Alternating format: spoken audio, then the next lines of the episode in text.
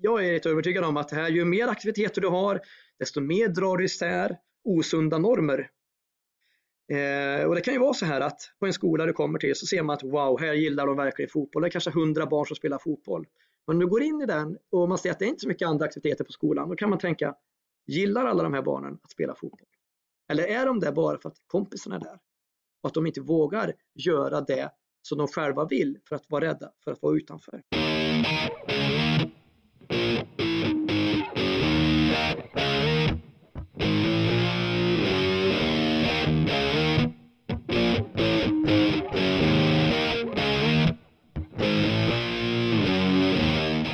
Hej och mycket välkomna till ännu ett avsnitt av Gränslöst lärande. Fritids och rastverksamhet står bland annat på dagens schema. Och det tycker vi känns väldigt spännande. Mm. Eh, som vanligt är det jag, Niklas Lind och Peter Hjelm i studion. Varmt välkomna.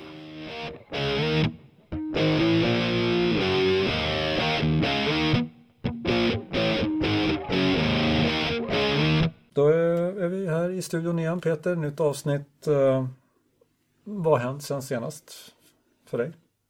Har det varit några spännande saker? Ja, nej men det är, det är ganska sig likt, skulle jag vilja säga, som det har varit det här sista året. Eh, skolan och samhället eh, har ju att förhålla sig till den här pandemin. Eh, men det som, det som börjar bli tydligare och tydligare det är ju när man ser hur barn och ungdomars eh, välmående påverkas av den här nödundervisningen som vi ändå får kalla distansundervisningen som sker i tonåringens eh, sovrum. Ehm, och det är inte alltid så eh, positiv läsning, men det är viktigt att det kommer fram och det är viktigt att veta också och fundera hur man ska jobba med de här bitarna för att någonstans Tidigare har vi pratat om ett kunskapsglapp. Nu kanske vi ska fundera mer på elevernas mående också. Det är minst lika viktigt. Precis, och du har ju själv barn som, som ja. eh, jobbar hemifrån så att säga. Precis. Mm. Själv då? Är det något speciellt som har hänt sen sist? Har jag haft ett spelifieringsförberedelseprojekt egentligen under hela läsåret. Eh, där vi har processat dels Adam Palmqvists bok, det spelifierade klassrummet, jag och en kollega i religion. Eh, och eh, det ska mynna ut nu i, i ett uh, längre projekt kan man väl säga i hans religionskurs. Mm. Och uh, ja, det vi, det är som inne i slutspurten nu i, kring förberedelserna så man är rätt inne i bubblan och håller på med det. Men det känns spännande och uh, hoppas kunna lägga ut lite grann om det framöver uh, på Livet som IT-pedagog-kontot som jag har på Instagram.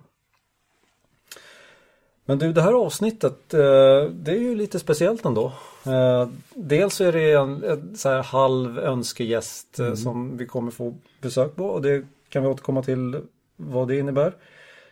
Och sen så har vi ju lite olika typer av lyssnarfrågor med oss in också i programmet till mm. den här gästen. Och ja, det kan vi också återkomma till. Men du, fritids, vad, vad tänker du när du hör det ordet? Ja men för mig så eh, oerhört viktig del av, av skolverksamheten eh, någonstans. Det som gör att eh, en skoldag kan bli komplett. Om fritids får förutsättningar och, och de som jobbar där med att eh, jobba med det de är experter på. Eh, men, men, men samtidigt så, jag har själv jobbat i skolans värld och eh, allting styrs av ekonomi och eh, allt för ofta så, så är man kanske som skola för att få det här att gå runt tvungen att använda fritidspedagogerna som någon form av buffertzon och eh, man får hoppa in och vara vikarier och eh, när det är skolverksamhet så kanske man används mera som resurslärare vilket gör att man kanske inte alltid har de bästa förutsättningarna för att sen planera upp den verksamhet som sker man säger, efter skoltid eller före skoltid. Mm. Ehm, jag eh, jag har ju själv i början av min lärarkarriär så blev det ju att man fick hoppa på lite vick sådär överallt. Så man, jag har själv gjort, varit lite grann på fritids. Eh, både snabba inhopp men också under en längre period så. Men, eh, och eh, ja, men tagit del av fritidsverksamhet både, både lite grann som man ska säga barnförvaring, att, att de har roligt bara så här för egen hand men också väldigt kreativ eh, fritidsverksamhet. Eh, men när jag tänker på ordet fritids så jag vet inte någonstans så bara tänker mig en, en, en, en lite solen börjar gå ner, eh, blå himmel, mycket glädje på skolgården. Mm.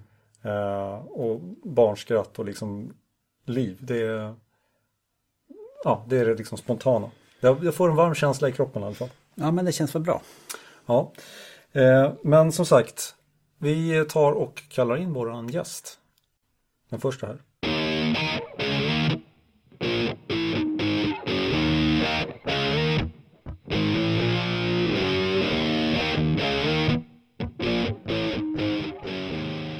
Fritidshemmet ska enligt skollagen stimulera elevernas utveckling och lärande samt erbjuda dem en meningsfull fritid och rekreation.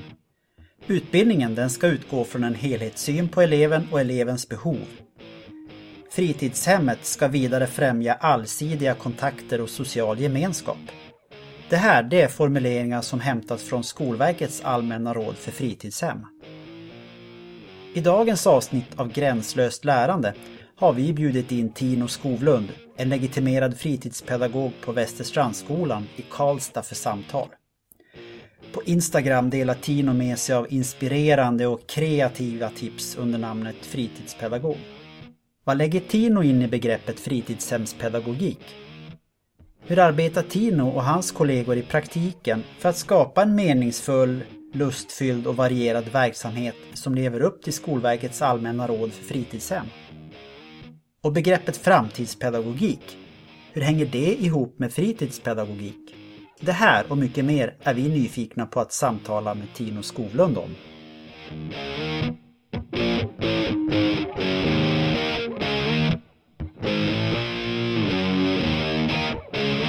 Ja, då har vi fått in eh, gäst i studion, Tino Skovlund. Legitimerad lärare i fritidshem på Västerstrandsskolan i Karlstad. Varmt välkommen! Tack så jättemycket! Ja, hur känns det att vara här då? Eh, ja, det känns spännande.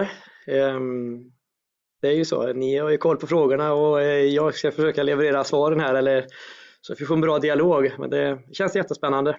Mm, det känns spännande och vi har ju som sagt koll på frågorna men inte koll på dina svar.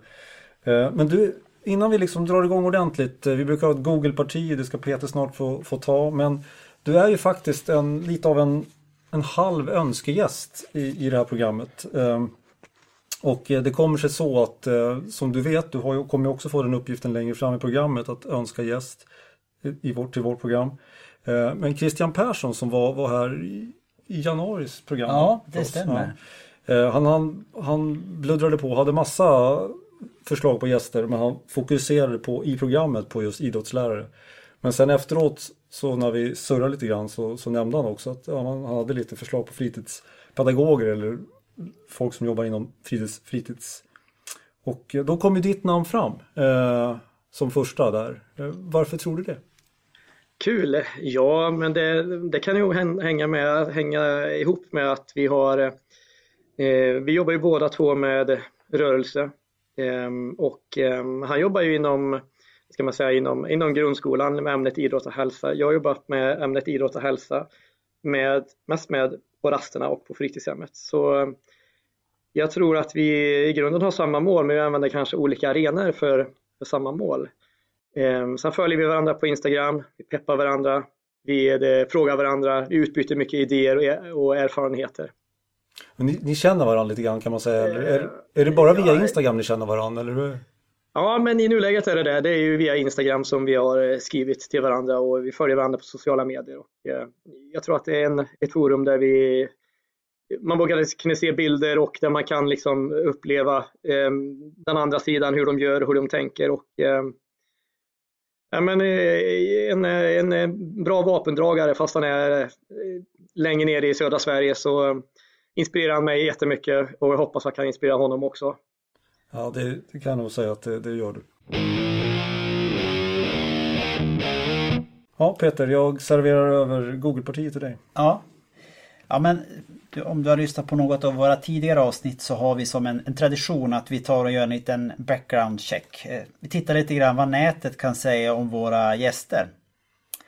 Och eh, när, när vi googlar dig så kan vi bland annat se att du ingår i Lärarförbundets referensorgan för fritidshem. Kan du berätta lite kort vad det innebär? Ja, det låter ju lite häftigt så här om man ska kalla oss. Ja, men eh, det är väl så här att eh, Lärarförbundet består ju av väldigt många medlemmar och eh, eh på toppen finns då förbundsstyrelsen och eh, när det kommer utredningar från eh, regeringsnivå, departementen eller ifrån medlemmar som är saker så försöker de ju bolla det med oss i referensorganet lite grann, att vi diskuterar tillsammans. Och vi i referensorganet, vi är ju sju stycken eh, medlemmar från Lärarförbundet som sitter på lite olika ställen i Sverige. Och eh, vi pratar om då om yrkets utveckling som lärare i fritidshem. Eller som fritidspedagog som han hette förr. Eh, och eh, hur kan vi stärka yrket? Hur kan vi få fler att vilja utbilda sig och söka sig till lärarutbildningen och inspirera fler? För det, det, det enda sättet att utveckla också yrket är att vilja utbilda sig till det vi gör. Och vi kallar oss då liksom att vi, vi är då utvalda att sitta här. Så jag vet inte om man ska kalla oss då för att vi är slags eh, Justice League eller Avengers. Eh, men vi, vi sitter med där och tycker eh, väldigt olika, men vi är alltid överens. Det är en demokratisk verksamhet, all facklig verksamhet. Och det är en sån viktig grej som, som vi tycker är att man, man ska kunna lyssna på andra, föra, föra vidare åsikterna och föra vidare ett budskap. Ehm, och det är jätteinspirerande att höra hur det är på andra delar av landet. Så det är också spännande, spännande uppdrag. Ja, men det förstår jag. Och det är ett viktigt jobb som du säger. Eh, sen vet vi också att du var, eh, du eller skolan var finalist på Idrottsgalan 2019 i kategorin Årets peppare. Ja, precis. Det var ju en eh, en eh, stor nyhet för oss. Jag fick ett eh, mejl av Carolina Klüft på vägen hem. Jag kommer ihåg själv att oj, du vet, man blir så här wow, helt starstruck att jag har fått ett mejl här, hur ska jag svara på det här? Men och då var vi nominerade då i kategorin Årets peppare och ehm, men med, tillsammans med ett antal finalister till som var liksom helt otroliga så vi kände att ja men vårat lekotek här på Västra Strandskolan i Karlstad är nominerad eh, till Idrottsgalan. Det är ett, ett likotek som har inspirerat andra, eh, andra skolor att göra liknande saker. Så nu byggs det, eh, ja, vi har haft likotek i många år. Ja, och det som är kul, vi kommer att eh, ställa lite mer frågor kring kring eh, lekoteket. Så att det där blir en bra cliffhanger in i själva intervjun. Men hur, hur blir man nominerad då? Hur blev ni nominerade? Liksom? Eh, jag vet faktiskt inte hur det var utan jag kan tänka mig att det kanske är någon som har eh, varit inne på deras hemsida eller sett någon länk att man kan nominera och skickat in oss. Att vi peppar barnen hela dagarna här. Och, ehm, ja, jag tror att det kan vara så att kan vara en vårdnadshavare kanske.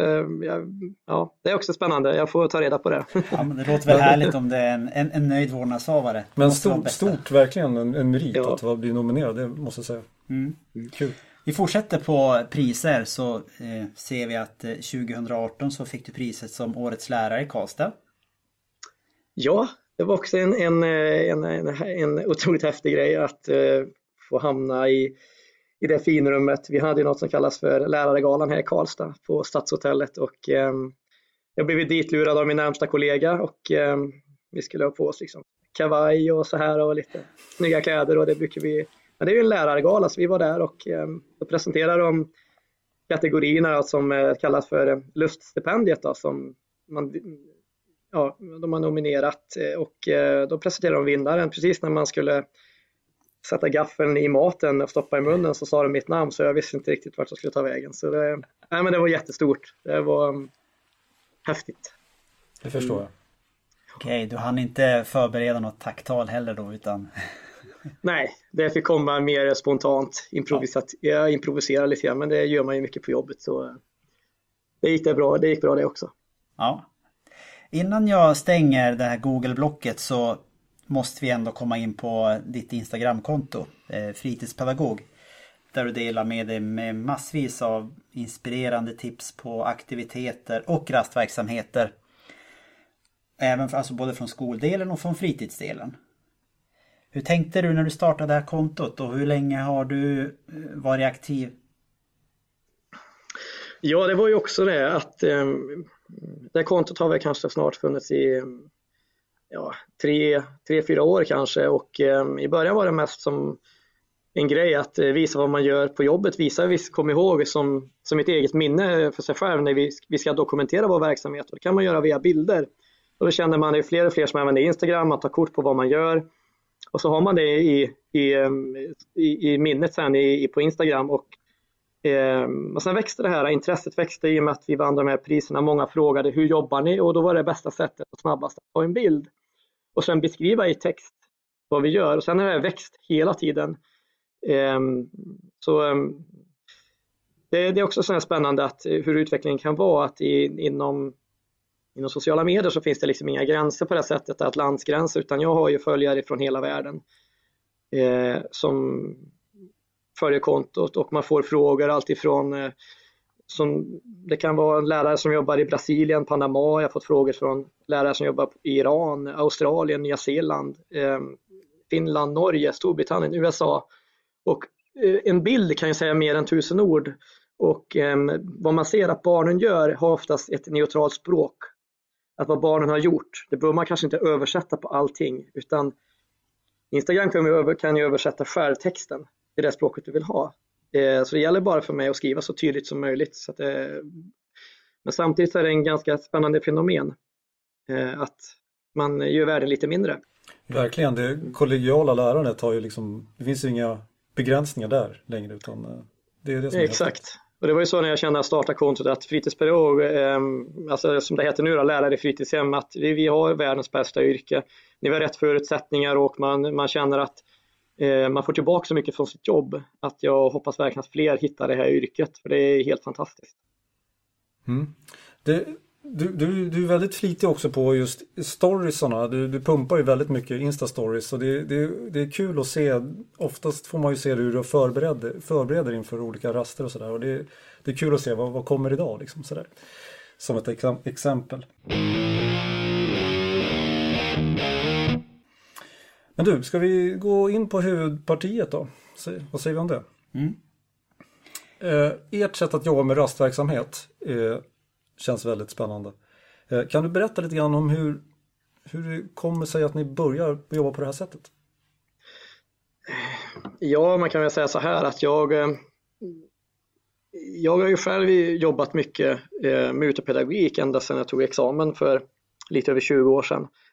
Och eh, jag har ju min inriktning i min lärarutbildning var ju mycket idrott och hälsa. Jag eh, pluggade även extra idrottsvetenskap och idrottspsykologi och ehm, brinner ju bland annat för leken, alltså lekens värde, lekens effekt, eh, vad, som, vad det är lek och eh, det finns ju mängder med olika sorters lek och det är ju det är ett, ett, stort universum av, eh, av möjligheter och mycket som är outforskat också. Eh, många forskar i det som hjärnans utveckling och allting, men det här med, med leken har ju så stor betydelse för barn och att eh, rastverksamheten till exempel, att vad har man gjort vad gjorde man själv när man var liten? Ibland var det så att man, man byggde koja, då byggde alla koja, det blev masspsykos. Eller så spelade helt plötsligt alla fotboll. Man spelade fotboll hela dagarna, ingen ville gå hem. Eller så spelade man bandy, så gjorde man alla det tillsammans. Oavsett om man ville eller inte, oavsett om man var bra eller om man var dålig. Vilka effekter får det här? Ehm, och sen är det så mycket som vi kan styra genom att ha en, en god kultur på rasterna, alltså gäller normkulturen. Ehm, och om man tänker så här att man ska hoppa till den biten att om man ska motverka mobbning, skapa trygga miljöer och man ska skapa en god gemenskap. Då gäller det att skapa en arena där eleverna är trygga i med deras egna intressen. Och då finns det olika, ska man säga, man kan tänka, man kan ju punkta upp och strukturera upp rasten på så mycket olika sätt. Eh, vi har haft många studiebesök till våran skola och, då får vi alltid höra, ja men ni har en konstgräsplan, då är det lätt. Ja men ni har ju det här, det är lätt. Men så kanske de har en stor skog som vi kanske inte har. Vi har en park. Men i skog kan man göra andra saker i. Gör det bästa och det möjliga av det man har och det viktigaste, lyssna på eleverna, lyssna på barnen. Vad har de för intresse? Vad har de för vilja? Vad har de för förmågor?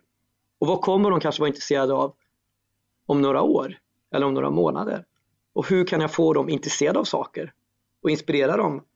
Det är det arbetet som tar lång tid och då gäller det att jobba med som vi har på vår skola, 480 elever. Och eh, efter sju år på den här skolan så har jag nu lyckats nå i princip ja, kanske 99 procent av barnen och veta vad de vill. Och det här är spännande, jobbet är jättespännande att veta att allt helt plötsligt blir så lättjobbat. Hur har du gjort det? Alltså du nått ut till 99 procent säger du, eller som så. Hur, hur har du gjort det då? Eh, jag tror att är man, eh, en, en faktor är att jag, gillar, jag älskar mitt arbete. Jag gillar att gå till jobbet.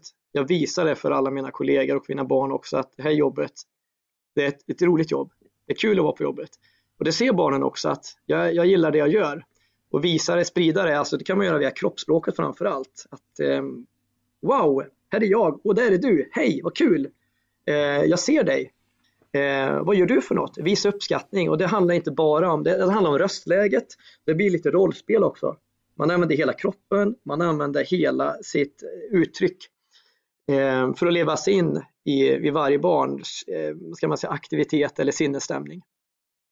Men när barn är på våran skola till exempel och kommer hit eh, och eh, så vill ju alla komma till skolan. Alla längtar att komma till våran skola. Eh, och eh, det är så viktigt att jobba med förutsägbarhet. Precis som man planerar i klassrummet. Det ska vara ordning, man vill ha så här, det ska vara struktur, det ska vara ordning. Samma sak gäller med till exempel med rasterna. Förutsägbart är viktigt. Man skapar rutiner och struktur.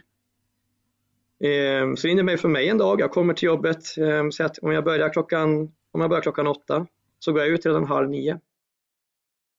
Då har jag förberett det jag behöver göra inomhus med kläder, med material. Jag bär ut det. Halv nio börjar min förberedelse där ute. En rast kan jag ställa ut, kanske innan rasten kan jag ställa ut mellan 100 och 200 koner ska ut. Kinahattar, allting. Åtta aktiviteter. Lekoteket ska fixa ordning för att det finns saker att låna ut för den fria leken. Eh, och då har jag ju då i mitt bakhuvud en plan som är synkroniserat med elevernas plan. Vad, vad vill man på Västerstrandsskolan? Vad vill man göra på sina raster, på sin fritid? Utan att det ska bli kaos. Hur ska man göra? Vad vill alla? Och det gäller för mig att duka upp den här buffén och veta så att alla inte är i salladen utan då måste jag ha många sallader i så fall. Det gäller för mig att anpassa hela tiden och utvärdera varje dag. Då gör man det här i många års tid. Så till slut lär du känna eleverna, du lär känna dig själv och dina gränser. Man vet ungefär vart eleverna är någonstans och eh, oftast är det så att man kan fråga mig så har jag oftast koll varje dag vart alla elever befinner sig på skolan. Och det, på det sättet blir det en förutsägbarhet för mig också. Jag ser direkt om ett barn mår dåligt eller om det är någonting. Så en del barn frågar mig, Tino, hur kunde du se att jag var ledsen? Jag hade inga tårar, sa de. Nej, men jag såg på hela ditt kroppsspråk och framförallt så gick du undan. Och det är en sån grej som är så viktig, som jag tror i, i hela landet på alla skolor, att man verkligen stannar upp, att ta den här tiden, att det finns någon som har koll på det här.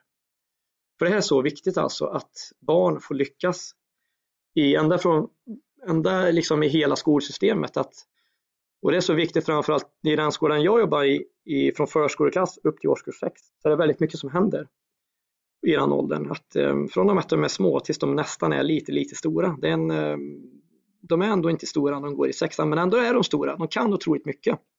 Men de, många måste ändå ha stöd och hjälp i många saker.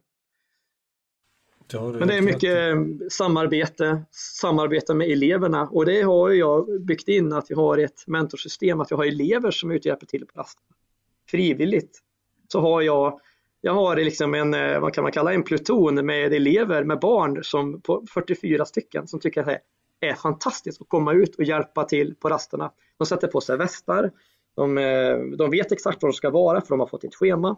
Varje dag är det likadant och de hjälper de yngre. Så de äldre barnen hjälper de yngre och så kommer de in i en god kultur att de här minsta barnen som går i förskoleklass ser då upp till de här stora eleverna.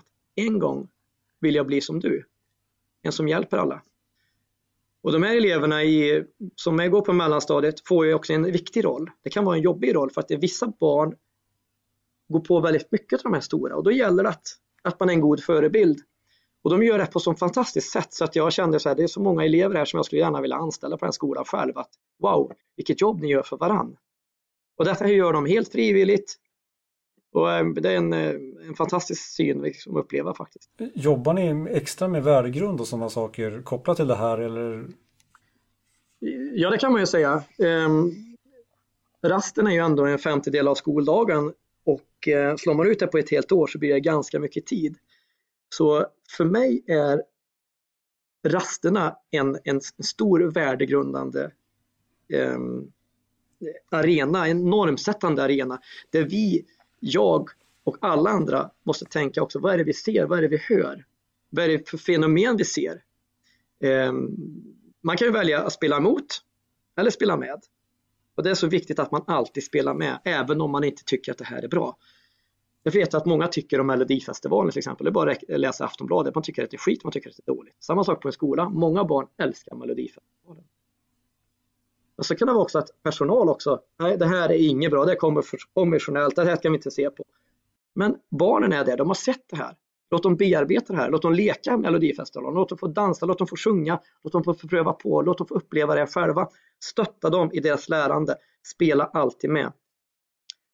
Det är så viktigt att följa med och eh, visa intresse för vad de gör, alla barnen på skolan.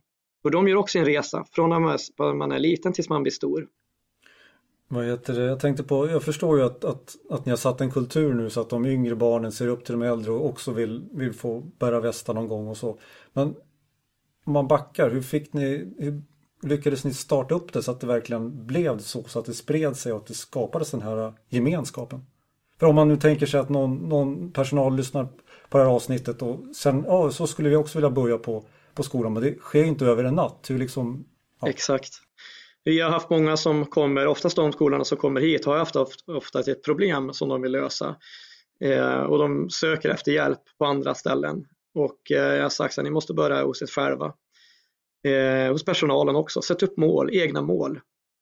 Se till att ni jobbar mot samma ställe. Vi har vetat för, för sju år sedan när vi började här, jag började på den skolan, då satte vi upp mål här. Och ett av målen var att vi ska ta hand om vårt gemensamma material. Det kunde vara Eh, alltifrån på rasterna, på idrottslektionen, på fritids, alltifrån bollar, spadar. Man köpte in och det försvinner. Sådana saker att vi jobbade tillsammans med mål. Hur kan vi få elever tryggare? Sen var det att ta ett litet trappsteg i taget varje dag. Lyssna på eleverna, lyssna på varandra och bygga upp det här. Eh, det var så vi började och då hade vi några dagar i veckan att jag eh, och en kollega vi gick ut och hade rastlekar. Vi hade en rastlek kvar. Vi var fyra stycken vuxna som höll i de här lekarna och vi kunde ha en lek. Wow, idag var det 80 stycken med i den leken idag. Och den var det kanske 30 i den här stafetten. Och sen så kanske det inte var någon rastlek förrän på torsdagen, det kanske bara var två gånger i veckan. Nu har vi rastverksamhet alla rastare och det är ungefär mellan, det kan vara mellan sju och nio aktiviteter varje rast. Och eh, är det mer ansträngande för mig? Nej. Men vi har, vi har satt igång ett hjul, ni förstår det här med man växlar liksom, man växlar upp hela tiden. Och nu rullar det på det, på det yttersta kugget och eh, vi utvecklar oss hela tiden. Nya saker som vi anammar. Wow, kolla här, det här får vi lyssna på. Det här får vi testa. Eh, och mitt råd till alla, alla som är, vill test, börja med rastverksamhet, börja hos er själva, gå ut och lyssna på barnen. Men visa, deras, visa intresse för vad de gör, på, på så sätt växer det. Och när barnen frågar mig om någonting så säger jag alltid ja. Tino, får vi låna det här? Ja. Får vi låna det här? Får vi fixa det här? Jajamän. Ehm, men allting är väldigt strukturerat på skolan. Vi har väldigt många förråd och ehm, barnen vet också vad som finns i vilket förråd och vilket förråd som vi vuxna endast får vara i. Ehm, och vilka förråd som de här eleverna som går in och hämtar grejerna till rasterna är i och vilket förråd som alla får hämta saker i som är lekoteket. Det handlar om hur man organiserar. Ehm, och det är egentligen ingenting som kostar pengar hur man organiserar utan det är mer smart thinking tror jag. Ehm, och framförallt att få att eleverna jobbar tillsammans med oss. Man skulle kunna, ursäkta, man skulle kunna säga alltså börja i det lilla och sen ha tålamod och sen bygga ut successivt. Ja men ja, precis och eh, när jag varit ute och föreläst så pratar jag väldigt mycket om eh, eh, självförtroendet. Att eh, man får tänka så här att eh, en del frågar mig också, men Tina, hur har ni lyckats skapa det här? Eh, hur vågar du göra så här? Lyssnar många på dig? Ja, men det gör de. Och jag känner ju självförtroende det här också såklart. Att man får tänka lite grann, det är som den här filmen 10 000 timmar. Han kommer på att han vill bli fotbollsproffs och lägger ner 10 000 timmar. Men om du tänker att du jobbat heltid i över 20 år eh, och jag har en sjukdag på 20 år, då får du också räkna med hur många timmar du gör det per dag. Slå ut det på 20 år. Då är du snart uppe i 40 000 timmar som du lägger till, gör någonting som du är extremt bra på.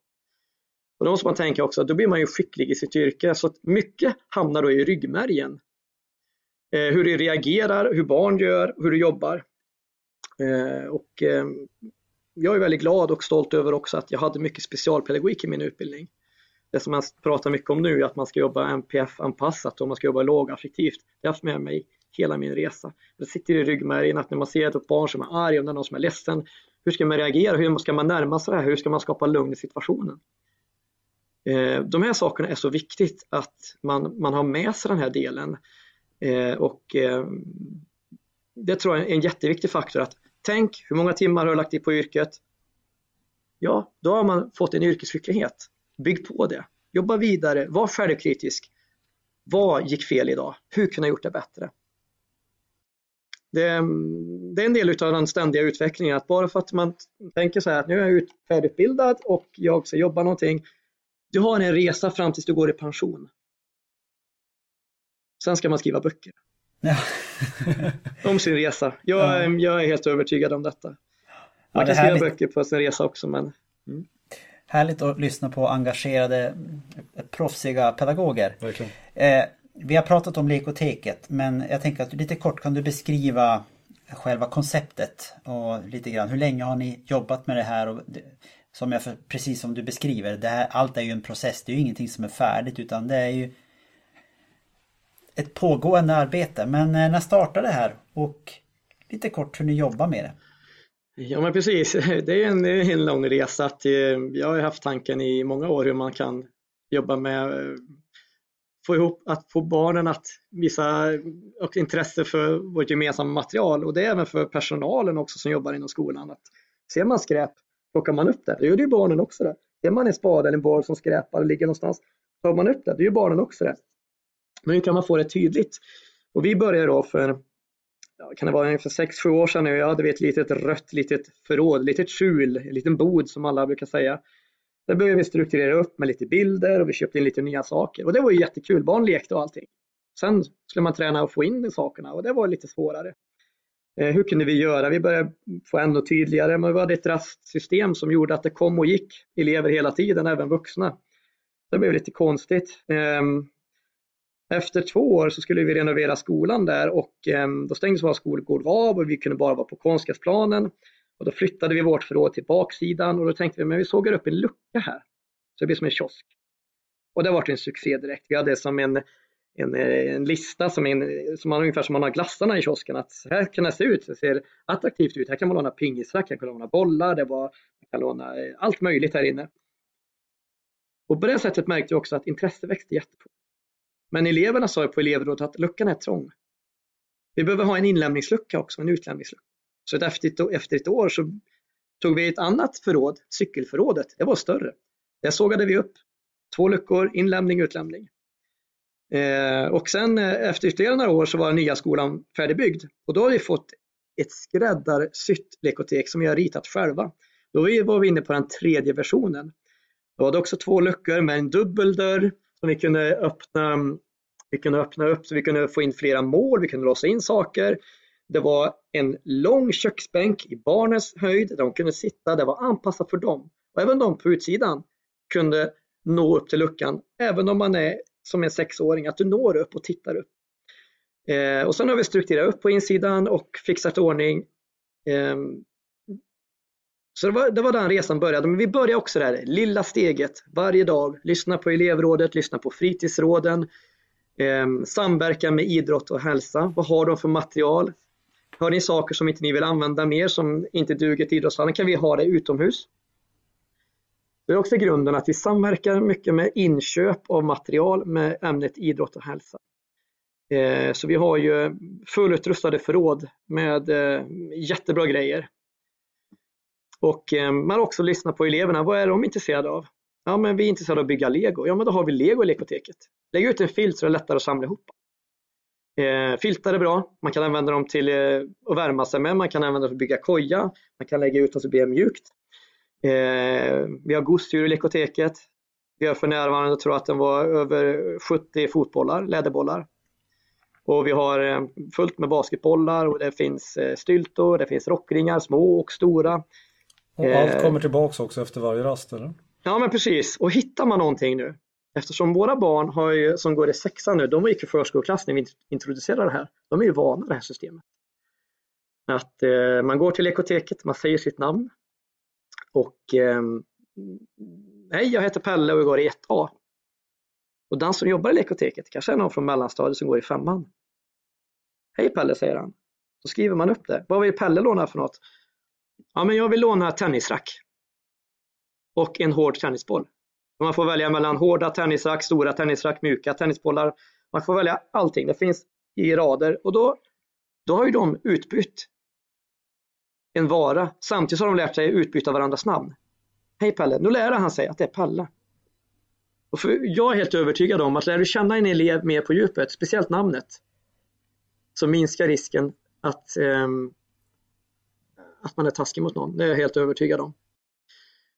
Så, ehm, och framförallt så känner de, som, de som jobbar i lekoteket också, de tycker det är kul att vara där inne och jobba. Och det var lite så vi tänkte när vi startade upp lekoteket, att det ska vara som att leka affär, leka kiosk. Jag älskar barn, de älskar att utbyta saker. Det var så här det började en gång i tiden. att att eh, nu har vi världens byteshandel och lekoteket öppet alla raster och på fritids.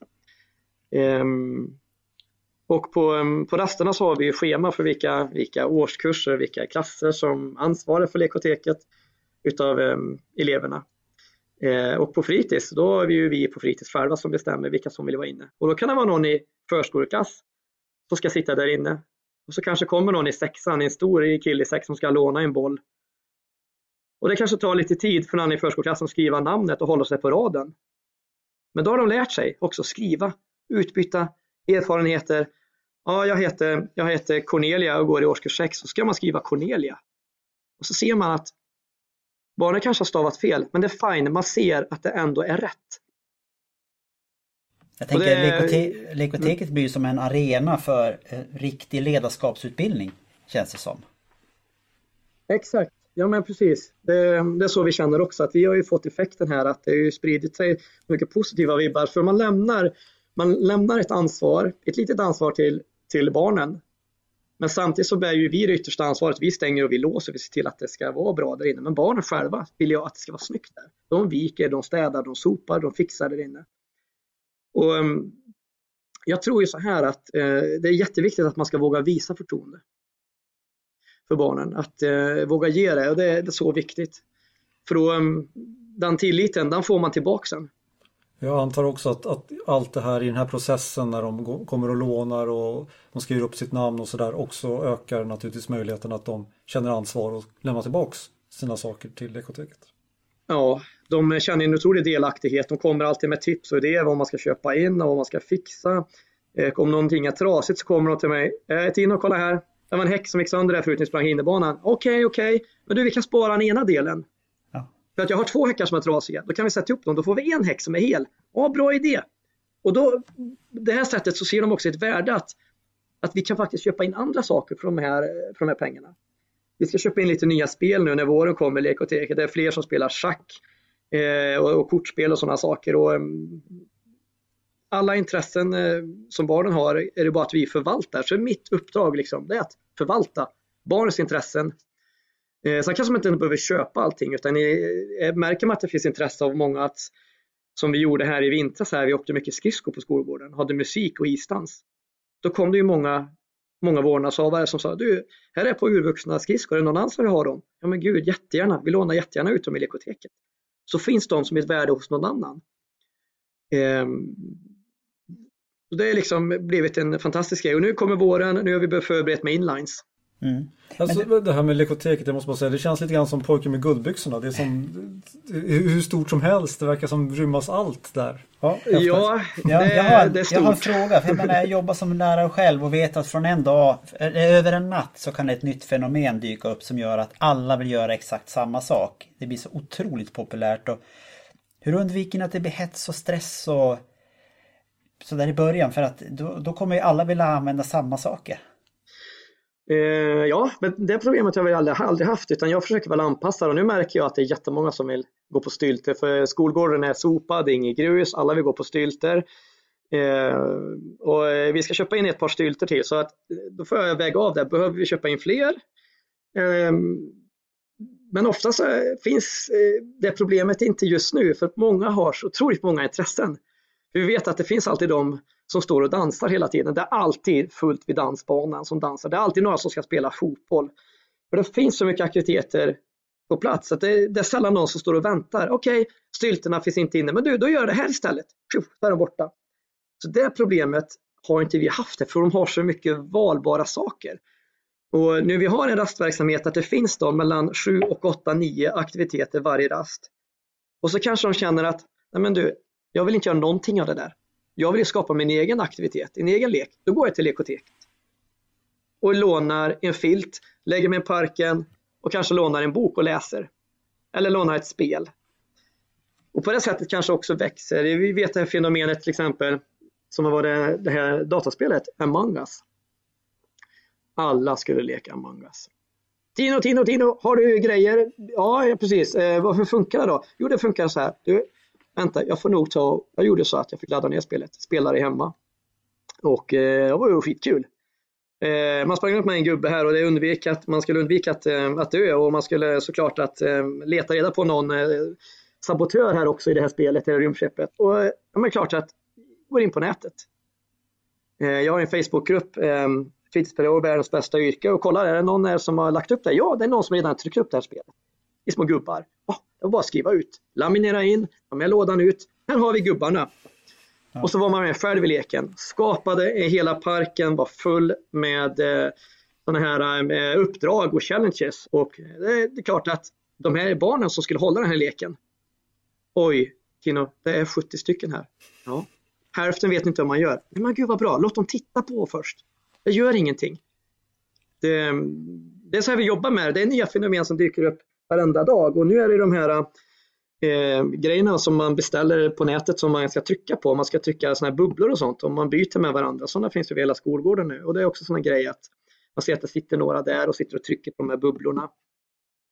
Eh, men det är klart, då får man tänka så här, det är färre med i den leken, det är färre med i fotbollen. Men det är ett fenomen som jag har koll på att oj, det är bara 20 som spelar fotboll idag. Vart är alla barn? Ja, då är det någonting annat som de gör och det gäller att visa intresse där också. Finns det någonting som jag behöver ta reda på och eh, hur kan jag lära mig mer om detta?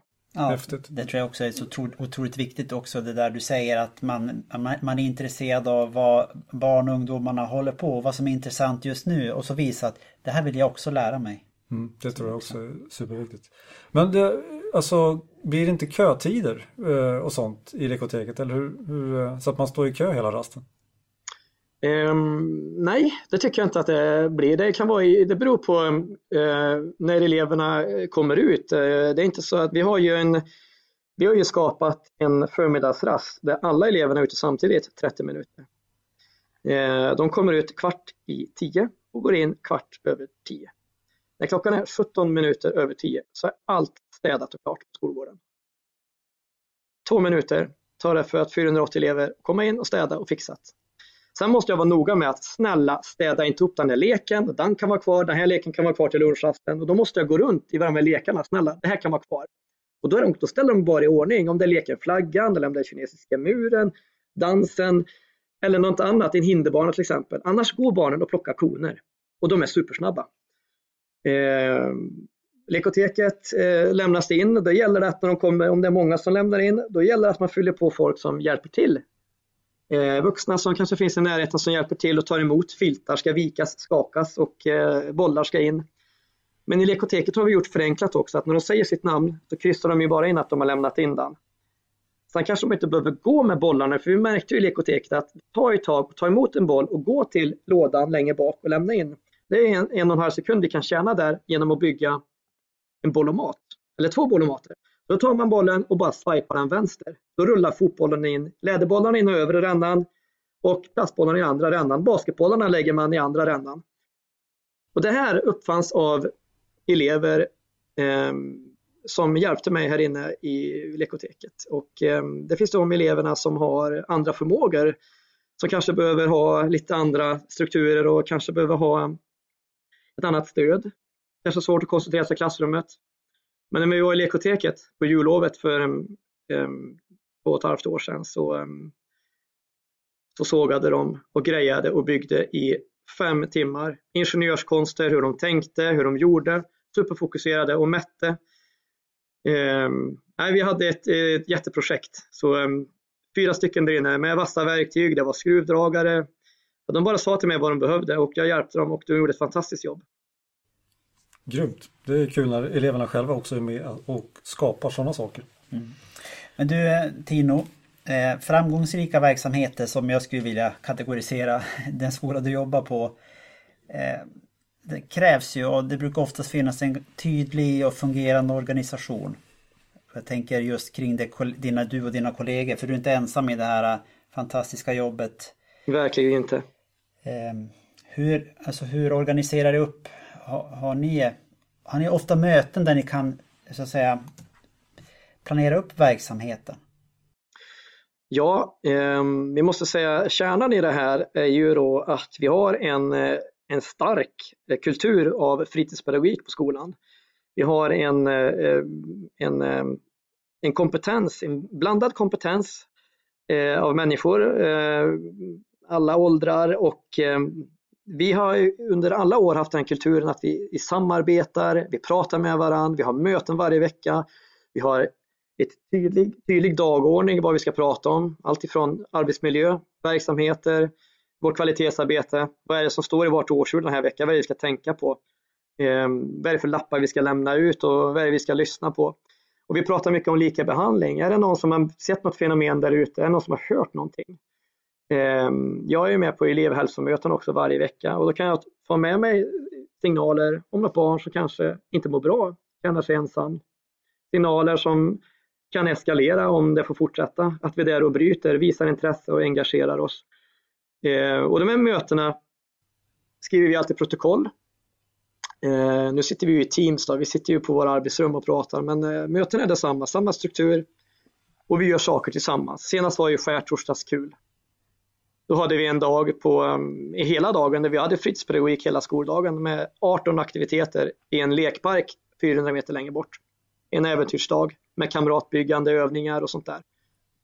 Eh, och det är sådana saker vi planerar in och vi, vem ska ta ansvar för vad? Så alla vet vem som gör vad. Ehm, det är en tydlighet som, som vi haft som en, ska man säga, det har blivit en, eh, en riktigt bra tradition här på skolan, en, en kultur, en lekkultur och framförallt en, en stark kultur att visa att vårt jobb är viktigt. Och eh, vi tycker verkligen att vårt jobb är ett livsviktigt yrke för vi, vi sätter spår i framtiden och det hoppas jag att alla känner att man gör. Och eh, dialog, kommunikation, att inte lämna någonting åt slumpen. Jag ser så väldigt lattjo ut när man kommer på våran skolgård. Det är musik. Igår spelade vi hårdrock här ute och Underbar. Eh, man var i lekoteket och några spelade tennis och några stod och valde låtar. Men och så finns det någonting där i som kanske inte alla ser att eh, det kan vara ett barn som kanske haft en tuff dag, helt plötsligt sätter sig och diggar till Metallica i lekoteket. Eh, och eh, de kanske inte har det så lätt alla gånger heller med vissa saker och eh, eh bara att få, få uppleva någonting Eh, och säga, musik är också väldigt viktigt och få lyssna på hårdrock som man kanske aldrig har gjort heller på det sättet.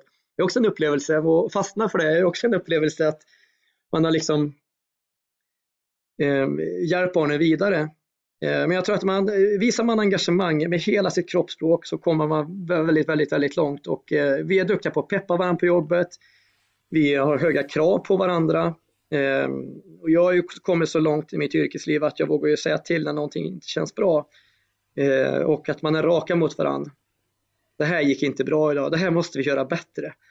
Eh, för barnens skull. Alltid för barnens skull. Och alltid när det gäller barn så ska man alltid ha en god elevkännedom och eh, lyssna på vårdnadshavare, ha en god samverkan med vårdnadshavarna, prata med dem om deras oro. Eh, och eh, såklart du tar den på allvar och får dem att känna att hej, vi är med dig. Vi jobbar med dig. Vi delar dina tankar och synpunkter och vi gör, jag tänker vi kan göra så här. Eh, och eh, det är så viktigt att man jobbar med de här eleverna som har det svårast. Eh, de som har mest anpassningar och, eh, och stöd i leken eh, på skoltid behöver ju även stöd även på eftermiddagstid på fritids. Mm. Du, om vi, vi, om vi tittar på, på barnen så eh, jag kollade runt lite grann på statistik på Statistiska centralbyrån och ser ju att eh, antalet barn som är inskrivna på fritidshem ökar. Eh, så att det har du säkert också märkt från om du backar 20 år. Och framförallt i åldersgruppen eh, alltså 10 till 12-åringar. Mm. Jag hade själv någon bild av att när, ja, men när eleverna börjar årskurs 4 då börjar de känna sig så stora. Då, då vill de ha nyckel hem och så går de hem. Men så ser inte trenden ut. Och jag tänker det här måste ju också påverka eh, planeringen och det pedagogiska innehållet. För 12-åringen vill ju pyssla med andra saker än vad 6-åringen gör. Mm, exakt. Det är ju ett, eh, det är en sak som vi har jobbat med på vår skola också, att eh, framförallt hitta, bygga relationerna med dem på mellan, mellanstadiet också, att alla eleverna är lika viktiga och jobba tillsammans. Det är därför vi skapar den första rasten, att alla är delaktiga. Eh, från förskoleklass upp till årskurs 6, delar rast. Vi kan ju se sexåringar som går runt med dem som går i årskurs 6 som sina idoler. De går hand i hand och det här är min idol, för hon kan göra så häftiga rondater och flickisar i gymnastik och wow, de här kan dansa så mycket. Så de blir liksom som goda mentorer för varandra. Men jag tror också att vi har ju skapat en kultur, kultur även på vår skola att det är eleverna som går i årskurs 3 vill vara kvar på fritids. Eh, det handlar inte så mycket om att, att det är bra att de ska vara hemma och lära sig och klara sig själva, för det, det, det kan de verkligen och framförallt så tror jag att de här barnen själva känner att de vill vara med i en gemenskap. Och jag tror att fritidshemmet har en så viktig del i samhället, det är att vi ska lära människor att jobba tillsammans. Vi ska inte bara tänka att det är så viktigt att du klarar dig själv, utan du ska lära dig att jobba tillsammans med andra.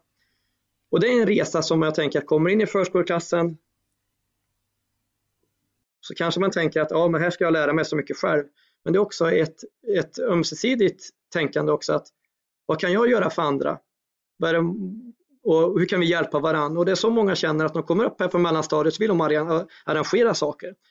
Så vi har ett fritidshem då där vi har eh, från årskurs 3 till 6. Nu har vi då en eh, 3, 5, 3, 3, 4, 5 kvar på fritids och i höstas var vi 129 inskrivna. Och eh, där man kan säga att den här flockpedagogiken som det blir, för de rör sig i flockar, liksom, att det är vi här och vi där och det gäller för oss att hänga med liksom, och skapa förutsättningar och förutsägbarhet även på fritids. och de orkar hur mycket som helst barnen. Är de pigga på morgonen så är de pigga på eftermiddagen. Så länge de äter, så länge man matar i dem frukt och mellanmål och de ska äta lunch och de ska dricka vatten och de får vila, så orkar de hur mycket som helst. Tappar man orken, då är det första som tappas, det är humöret. Och eh, då gäller det för oss att hitta saker som de gillar. Musik kan vara en sak, men också att de skapar. De gillar att skapa, inte bara med händerna, utan även skapa eh, entreprenöriella grejer. Det kan vara, Tino, vi vill skapa talang här. Vi har sett på Talang på TV, vill vi göra det här? Jag ska vara dan och dan och dan. Kan du hjälpa oss med det här? Ja men självklart, vi ska vara de här rummen, eller vi ska vara gympasalen. Och så organiserar de. De vill boka rum, Eh, och de ska presentera för alla andra så de tar över ett ansvar. Så jag kan gå i bakgrunden och känna ledarskapet att shit, kolla här. De, de tar över ledarskapet här. De övar nu ledarskap. De pratar, de har en plan och de säger visst många meningar själva. Och de har sett det här på TV. Talang är ett exempel. Vi har även eh, Filmstaden, leker de också här ibland. Då har man bokat upp kanske fyra klassrum och man visar olika filmer och de delar ut biljetter. Har du tur får du en VIP-biljett och eh, då kan det ingå vissa saker. Och de vill ha popcorn, de vill ha saft och de fixar saker. Men det tränar samarbete, de tränar så mycket gemenskap. Och de är yngre ser också att wow, vilken affisch! Imorgon ska Rönnens fritids ha Filmstaden. Jag önskar att jag gick där. Ja, men om du väntar tre år så kommer det också upp till oss för att göra saker. Att de ser fram emot att bli stor. Det är så viktigt att de har förebilder. Och man måste inte ha Zlatan som förebild varje gång. Det kan vara en klasskompis man ser upp till. Men det är ganska, om man tänker så här att det är ju närmare att nå dit. Zlatan har ju kommit så långt. Han är ju en, en, en superhjälte i mångas ögon. Men det finns någon som är en hjälte även på skolan och vad den där hjälten. Det gäller för mig att peppa de här stora eleverna. När jag ser någonting, du, jag såg vad du gjorde förut. Vet du vad det, vet vad det betydde det du gjorde idag? Så förklara det för det barnet och då kan de nästan bli så här, wow, men menar du att jag gjorde det här? Det är ganska känslomässigt ögonblick och jag är helt övertygad att sådana här känslomässiga ögonblick kommer man ihåg. när jag fick den här peppen, när jag fick det här berömmet av när det verkligen satt där, att det inte bara var så här, bra jobbat hörru, utan när man såg, visa upp situationen, titta på han nu, titta vad glad han är när du gjorde det där. Bjud med, locka med, visa vilken duktig, fantastisk inspiratör du är. Det är så man får alla människor att växa. Och det här vi har fått här på skolan nu, att helt plötsligt så har vi det här liksom att här står de här borta. Jag vill vara med i cheerleading, okej. Okay. Jag skulle aldrig våga vara med i cheerleading, men här kommer de här yngsta barnen och vi vågar vara med och träna med dem som tävlar i cheerleading och hur de gör. Och det är tufft att vara cheerleading. Man är upp och stå och man kastar sig ner och ska lita på att någon fångar dig. Eller du ska göra de här gymnastiska rörelserna. Det är inte jag kanske ens får hjälpa till utan de ska visa. Äldre eleverna visar de yngre. Sen går de och leker att de är de här tränarna och de hjälper varandra. likaså med dansen eller eh, vilken lek det än är eller vilken aktivitet. Att se någon som åker skridskor, som gör piruetter. Wow, kolla in henne där nu så ser man där. Kolla nu, nu hoppar hon och så landar hon på, visst är det häftigt? Att få visa varandra vad de kan, alla förmågorna och sånt. Och jag är övertygad att alla barn har förmågor som, man, som de vill visa upp. Låta dem våga visa de här förmågorna. Det är, det är en inspirationskälla för mig att, du, vilken röst du har. Har du provat att sjunga någon gång? Nej, men du, jag sjunger bara hemma. Du, skulle du inte våga sjunga här om vi har på fritids och göra en liten sån här grej? Nej, jag vet inte om jag vågar, men och så kanske någon kompis säger, men det är klart du ska. Då börjar de peppa varandra. Jag måste, jag, måste, jag måste säga att jag blir grymt inspirerad och bara lyssna på, på allt du, du säger. Men du Tivo, jag måste bara lite snabbt Tino. Eh, när, när eller har Unmasked Singer, har det, har det nått eh, fritidshemmet? För det måste vara en perfekt eh, grej för de som inte vill synas men ändå vill sjunga. Ja, exakt. De har faktiskt pratat om det här häromdagen. För de sa att Tino, vi måste, när ska vi få sätta upp en ny fredagsskojlista? Eh, ja, fredagskul är en sån här lista vi har, de skriver upp sig på aktiviteter som de själva vill arrangera. Och den är alltid full, det är alltid fullbokat liksom. Så att det gäller liksom att, för mig som vuxna, fördela. Hallå, nu har ni bokat upp tre dagar, kan ni låta de här boka före? Den är, in, den är redan inbokad nu. Och eh, vi har ju sagt själva, vi vuxna, att men vi måste också vara med. Så det, det, det haka, på, haka på de här trenderna för att få barnen också att ta del av det här, att eh, också kritiskt tänka. Inte bara liksom haka på, utan man har även diskussion och dialog om allting som händer. Och det är så viktigt här på en, på en skola att eh, jag är rätt övertygad om att det här, ju mer aktiviteter du har, desto mer drar du isär osunda normer. Eh, och det kan ju vara så här att på en skola du kommer till så ser man att wow, här gillar de verkligen fotboll. Det är kanske hundra barn som spelar fotboll. Men om du går in i den och man ser att det är inte så mycket andra aktiviteter på skolan, då kan man tänka, Gillar alla de här barnen att spela fotboll? Eller är de där bara för att kompisarna är där? Och att de inte vågar göra det som de själva vill för att vara rädda för att vara utanför. Jag var, vi var och jag och min kollega Magnus Johansson föreläste i Stockholm eh, för några år sedan. Och eh, då var det ju faktiskt en, eh, en dansare där, Tobias Karlsson, Let's Dance, han skulle föreläsa efter oss och han eh, fällde tårar efter vår föreläsning och, så, och applåderade och sa Hur kan det vara så att, att, att ni har en skola där man vågar dansa? Jo, men här dansar de hela tiden. Liksom. Vi, vi, har, vi har skapat en, eh, jag vet inte, men jag tror att om, om barnen är trygga med oss vuxna och är trygga med varann så vågar de också göra saker. Och vi har mellan 50 100 barn som dansar helt öppet, både killar och tjejer på en skolgård Eh, och det finns en, en playlist med ungefär 140 låtar i och varje låt har en hel koreografi. Det handlar inte om en TikTok-koreografi på några sekunder. Det här handlar om hela låten. 3,5 till 4 minuters koreografi. Och han blev ju också så här, wow, jag måste se det här. Och han har ju sett bilder också. Han var helt eh, överraskad och positivt av vår verksamhet vad gäller dans. Eh, han, han, frågade också då eh, hur vi gick tillväga och eh, hur vi har skapat det här och vi sa ja, vi vet inte riktigt. Men vi får tänka över vad, vad är det vi har gjort som har gjort det här.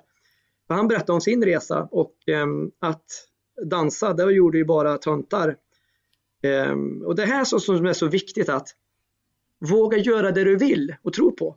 Och vågar man inte det på en skola, våga göra det, då har du, finns det någonting inom miljön som inte, som inte är bra. Eh, och det är det som är så spännande. Vi vet inte vilka intressen som finns på den här skolan. Det är så många, alltså jag har ju fått på, speciellt på Instagram här så har jag fått eh, frågor både av proffsdansare som har eh, varit med i VM och sånt och allt möjligt som har dansat på Melodifestivaler som har frågat Tino, hur gör du när du lär barnen att dansa? Ja, Eh, jag lär, det är inte jag som lär dem. Jag sätter på stereon och jag ser till att den är laddad och att iPaden är laddad. Och någonting, om inte den är laddad, då, då blir ju barnen sura på mig. Den är laddad där ute. Jag har ju bara förenklat, jag har anpassat, sett till att jag har gjort koner nu och det är exakt sju steg nu från stereon ut. Så stor ska cirkeln vara. Det har barnen krävt. Du måste ha cirkeln större. Vi kallar det för ljudbankscirkeln eller danscirkeln därför att ljudbangen från stereo gör ju att står man för nära får ont i öronen. Vi har högsta volym på så att det ska höras över hela skolgården så många dansar. Man vill ha musik så att det lever med. Och det gör ju att är cirkeln där, då går barnen dit och så ställer de sig vid cirkeln. Märker man att nu är 90 barn där, då tar ju de elever som leder dansen, flyttar de konerna och säger de stannar musiken, alla flyttar konerna en meter bakåt, så gör de det. Sen får det plats fler barn och dansar. Och när man står i en cirkel och dansar, då ser ju alla varandras rörelser. Då vet man kanske inte riktigt vem man ska titta som har koreografin. Men det är alltid någon som ser någonting av koreografin och då lär de varann. Eh, och det är det som är så mäktigt att eh, dans är ett sätt att ärva också en kultur. att Vi har ju danser som elever som går nu i årskurs 8 och lämnat skolan för två år sedan har satt på skolan, de har satt en koreografi. Men dansen, koreografin är kvar här. Sexåringarna som aldrig träffat de första här som satte de här danserna, de dansar deras dans. Så det är också en sån här grej att kultur, hur tydligt det är att man ärver kultur. Du, du ska strax få lyfta blicken lite grann eh, från din egen arbetsplats och lite mer allmänt kring eh, fritidshemmens utmaningar. Men vi ska först avsluta här, den här delen och eh, det är faktiskt så att Christian Persson, återigen, han var inte bara och tipsade om oss utan han har även skickat med några frågor när han då fick höra att vi, vi skulle träffa dig. Aha, spännande. Så att han och hans kollega uh, har de här frågorna. Vi har varit inne lite grann på, på några av dem men kanske inte så specifikt. Uh, den första frågan lyder så här. Hur kommer det sig att ni kan satsa så mycket på rast och fritidsverksamheten samtidigt som det är så få skolor i övriga landet som gör likadant? ja, det, jag tror, jag tror jag kanske har lite grann med, eh, dels har det också såklart, eh, vi har ju en eh, rörelse och hälsa-profil på skolan som vi skapade för ett antal år sedan och det har ju också gjort att eh, man har, vi har en utemiljö som är tillåtande. Vi har en stor konstgräsplan, vi har en liten basketplan, vi har en park som ut, ut eh, lockar till rörelse. Vi har också en, fått en eh, nybyggd skolgård på framsidan med en, eh, en bandyplan som vi säger man också kan använda till eh, eh, spola is på och åka skridskor i och som en, en arena som man kan använda till många saker. Vi hade, idag hade vi minitennis, men som yngsta barnen kallar det, wow, paddelbanor. Mm. Ja, det kanske, ja precis, vi har en mur där, det är paddelbanor då. Vi får döpa om istället för minitennis. Så jag tror att, eh, sen är det också engagemanget hos oss som har gjort det här. Eh, sen är det mycket slumpen. För när vi rev den gamla idrottshallen för tre år sedan, fyra år sedan, så hade vi ju väldigt mycket idrott även här också innan. Men då var det ju så här att idrottshallen hade så bråttom med att riva den här, alla maskinerna kom. Så jag och idrottsläraren fick hoppa in och rädda det som räddas kan. Tjockmattor, flipperdynor, det var madrasser och plintar och bänkar. Allting bar vi ut. Eh, och då tänkte vi, det här har ju vi till rastverksamheten. Bänkar och plintar och allting, det är perfekt. Vi fick en container till det. Så de första åren där ehm, eh, hade vi en container i dem. Sen så när skolan var nybyggd så hade vi ett nybyggt förråd. Anslutning till konstgräsplanen. Vi har också varit med och ritat att dörren ska gå lätt på konstgräsplanen. Då kan vi få ut alla madrasserna och allting, alla rockringar. Och det helt plötsligt är det väldigt lätt för oss att, vi har gymnastik. Då har vi en sån här Minigo-vagn eh, som man eh, har matvaror i. Lägger man madrasserna staplade dem, rullar ut den, tjoff tjoff ut. Så har man fått ut 14 madrasser, då kan ni göra här gör man då hjulningar, det är kullerbyttor där, rondaterna där och ni som kör flickis kör där och ni som kör cheerleading är där borta. Koner sätter man upp och så har man strukturerat upp en säkerhet, se till att det finns en vuxen där. Vi har också såklart att jag har idrott och hälsainriktning så jag tror att mitt engagemang påverkar också, men många av mina kollegor har också idrottsinriktning. Gillar lek, rörelse och man vet ju också att eh, idrottens grund handlar ju om lek, lek och lust. Och eh, rör barnen på sig mycket så blir man såklart piggare, man mår bra. Och eh, jag är helt inne på Anders Hansens eh, böcker där med att, eh, att stärka hjärnan liksom, genom rörelse. Det, det är så viktigt att jobba med det här och jag har ju läst en hel del idrottspsykologi och mental träning innan för, för många år sedan och det är samma sak där man hela tiden påvisar att får man blodcirkulation i huvudet så klarar man mycket mer, inte bara tillägna sig kunskaper utan man blir på bättre humör. Du är mer öppen för andra, andra människor. Toleransen ökar för andras olikheter vilket innebär att du bjuder in dig i de andras normer. Eh, på det sättet får vi också en väldigt positiv normkultur på skolan genom att använda idrott och lek och rörelse som ett verktyg. Nästa fråga från Christian. Är du anställd enbart för att styra upp aktiviteter eller är du resurs på annat håll också under dagarna? Nej, jag har endast, jag har eh, som min samverkan då, som heter, som, som lärare i fritidshem så ska ju vi samverka med grundskolan och, eh, ehm, och eh, mitt huvudansvar är ju då fritidshemmet. Som, som vi börjar halv två på eftermiddagen. Men vad kan jag göra för att de här barnen som går på fritids får så bra fritidsaktiviteter som möjligt under skoldagen som gynnar skolan? Jo, det är ju såklart att ta i ordentligt. Jag brukar säga så här, jag börjar alltid på max och så ökar jag sen. Mm. Eh, jag tänkte så vad ska vi göra eftermiddag? Och vad har vi för planer på fritids? Och vilka mål har vi på fritids? Att jobba hela tiden didaktiskt. Vad behöver fritidshemmet? Vad behöver skolan? Finns det gemensamma mål vi har? Och hur, hur går vi tillväga? Vilka aktiviteter ska vi använda oss av? Och då måste jag ha lite fingertoppskänsla. Det är som Dr. Strange där, du måste verkligen tänka igenom vad, vilken strategi ska jag använda mest? Och då måste jag använda eleverna såklart till det här. Men också att jag går ut på morgonen, förbereder aktiviteter som finns ute hela dagen.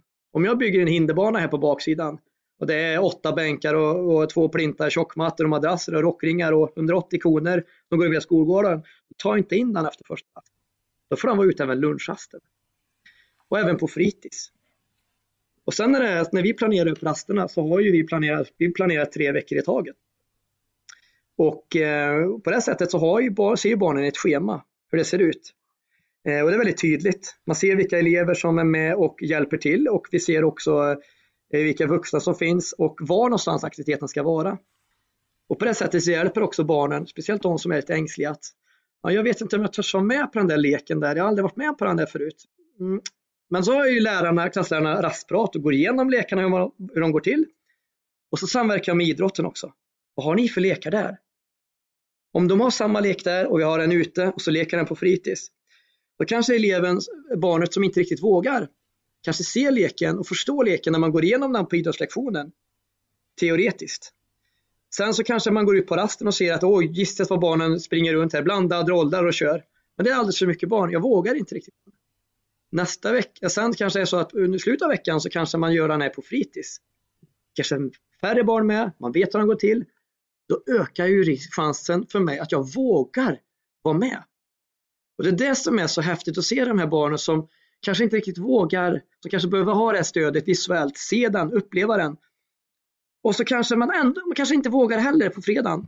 Så tänker man nu är det kört, den här leken var den här veckan. Och så tittar man på rastschemat. Det är även nästa vecka. Oj, då vågar jag vara med på fritids. När jag gjort den på fritids, jag är trygg med den, då kanske jag vågar vara med sen även på idrottslektionen, jag vågar vara med på rasten. Och på det sättet så vågar du vara med. Och så ser du de som är med. Oj, ingen av de här går i min klass. Men nu har jag lärt mig samspela med andra barn. Utbyta erfarenheter, nya normer. Vi börjar prata med varandra. Suveränt. Sen Christian, finns sista, de... Christians sista fråga eh, mm? låter, lyder så här. Vad behövs rent organisatoriskt för att kunna ha samma aktiviteter på andra skolor? Fler anställda, mer pengar? Jag, jag tror ju så här att jag tror att eh, det handlar om organisationen. Jag tror att du måste som, som skolledare vara riktigt modig att våga satsa på rörelse på det här sättet. Att, eh, när man tittar upp generellt i hela landet så pratar man oftast kring eh, fritidspedagogens roll eller läraren i fritidshemmets roll. Vad är det man ska göra under skoltid? Ska man använda sin ämnesbehörighet att undervisa hela dagarna, undervisa idrott, undervisa bild, undervisa musik, alltså de praktisk-estetiska ämnen. Eller kan jag samverka med grundskolan att eh, berika rasterna istället med den kompetensen jag har? Eh, och jag tror ju att eh, bara för att jag är intresserad av rörelse och hälsa så kanske det finns någon som är mer intresserad av bild och musik. Det är därför jag alltså suger åt mig mycket kulturaktiviteter som inte jag själv är bra på. Vi har även lådor i lekoteket där man kan låna instrument och sånt. Eh, man kan låna saker, man kan måla, men det estetiska processer, även utomhusdans är för mig en estetisk process. Så jag tror att det handlar mycket om organisation. Sen handlar det såklart om pengar också. Du måste ha en budget som täcker det här. Du måste kunna köpa en riktigt bra stereo om du ska vara ute varje rast som vi har. Varje rast, året runt, skoltid, på fritids. Se till att han är laddad. Då köper man inte en billig stereo. Utan jag måste veta att det här är effekten som du gör när du satsar så mycket. Visar, visar du engagemang för alla så får du det engagemanget tillbaks från eleverna. Mm. Det du investerar in... får du tillbaka. Vi hoppar in på, på nästa del som handlar lite mer om ditt fackliga engagemang men också fritidshemmen rent allmänt. Sådär.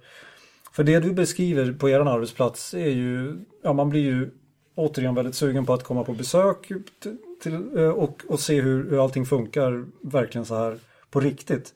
Eh, och det verkar ju vara helt fantastiskt. Jag, jag, skulle vilja vara barn och gå på fritids hos er till exempel och ha raster hos er.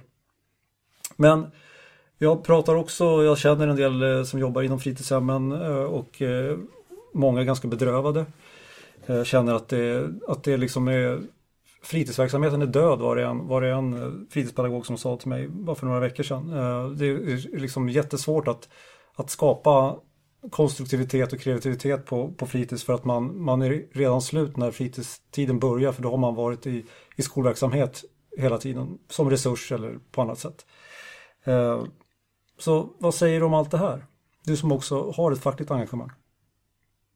Jo, det är ju det är någonting som vi har diskuterat under många år liksom, och som man har känt att det har gått åt fel håll. Att eh, antalet behöriga att arbeta inom fritidshemmet har ju sjunkit under många år och man ser ju att andelen elever som har fritidshem kommer ju förmodligen att eh, passera 500 000, eh, alltså 500 000 elever nu på fritidshemmen i hela Sverige och eh, det måste till en tydlig satsning på fritidshemmen eh, Eh, och få in fler behöriga. Och det är ju det som man jobbar ju för fackligt sett att se till att få in, öka behörigheten och eh, men på det sättet måste man också öka intresset av yrket. Eh, och jag vill ändå påvisa att vi har ett fantastiskt yrke. Eh, för det är det också. Men man, man vet också att det finns skolor där man har gett upp helt. Man orkar inte hantera de här delarna för det är så otroligt många barn du ska förvalta deras intresse, för det är min huvudsakliga uppgift att förvalta barnens intresse och, och skapa trygghet på fritids. Eh, och eh, det är många som tyvärr inte orkar. Eh, dels kan det vara på skolsituationen också. Många bränner ut sig redan på förmiddagen att ha ingen ork till eftermiddagen. Eh, Medan barnen kanske de vill orka hela dagen för de kanske ska, några är på fritids kanske från sju på morgonen till halv sex på kvällen de vill också orka, de vill ha en god eh, verksamhet som fungerar. Och, eh, mår man dåligt på fritids, då mår man dåligt som person också. Och, eh, jag tror att normen blir inte positiv på den skolan där alla går och mår dåligt. Det är någonting som sprider sig till högstadiet och eh, även på gymnasiet att eh, många kanske inte känner att de har hittat sin förmåga, hittat sitt intresse. Och det är så otroligt viktigt i hela samhället det här att du ska hitta det intresset som får dig att vilja utvecklas. Det är precis som att man känner att wow, jag knäckte läskoden, nu vill jag läsa. Att jag, eh, barn som känner att de har hittat sin idrott till exempel, hittat, sin, hittat positivt eh, intresse, de vill ju fortsätta med det här. Och det är så mm, viktigt idag. Arena. Och det är så viktigt idag när vi ser att eh, när man jobbar i, man ser att man, regeringen pratar om det här med att man ska motverka kriminella gäng och, och sånt där. Vi måste satsa på eh, polisen och vi hade ett tag här för ett år sedan att vi, vi skulle satsa även på, på militären och hur ska vi göra de här orterna där vi ska gå igenom, man ska ta i med hårdhandskarna och jag måste ändå säga det att vi måste börja med skolan för det är den normen har sett från början.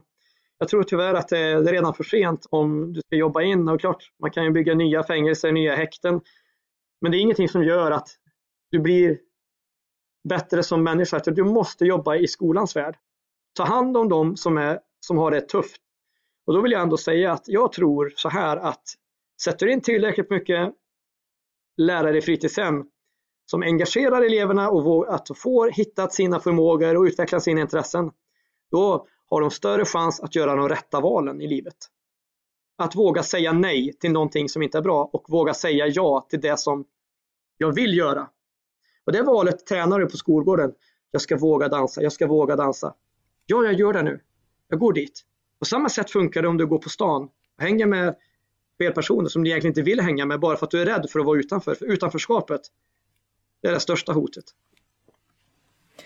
Ja, då, då kommer jag in på, för jag läste ett blogginlägg som, som Lärarförbundet hade skrivit där man, man pratar om kopplingen mellan eh, fritidspedagogik och sen, det var ett nytt begrepp för mig, nämligen framtidspedagogik. Jag tycker jag gjorde en bra, en bra beskrivning här mellan å ena sidan eh, är det fler poliser och tuffare straff som gör att vi kommer till rätta med saker och ting eller du är inne på och som, som vi nog också skriver under båda två, både jag och Niklas är att eh, grunden lägger vi i skolan. Men just kopplingen mellan framtidspedagogik och fritidspedagogik. Kan du berätta lite om det? Ja, men det var lite grann som jag var inne på här förut att eh, man kan ju se nu då i, i övriga världen och när man pratar om det här med skolbegreppet är ju någonting man pratar om i hela världen och eh, att vara lärare är ju liksom att vara en förebild och hur, skol, hur skolsituationen ser ut i alla länder är ju någonting som man tänker på. Vad är det för, någon, vad är det för future skills man vill, man vill att, att eleverna ska lära sig och vad är det för något som är viktigt i framtiden? Och då kan man ju se det här med att man eh, det här med samarbete, kritiskt tänkande, att du ska vara källkritisk, men också som man har sett nu då, som man pratar mycket om rörelse och hälsa också. Och det här med rörelse och hälsa har man ju sett har stigit ännu mer nu i coronatiderna nu.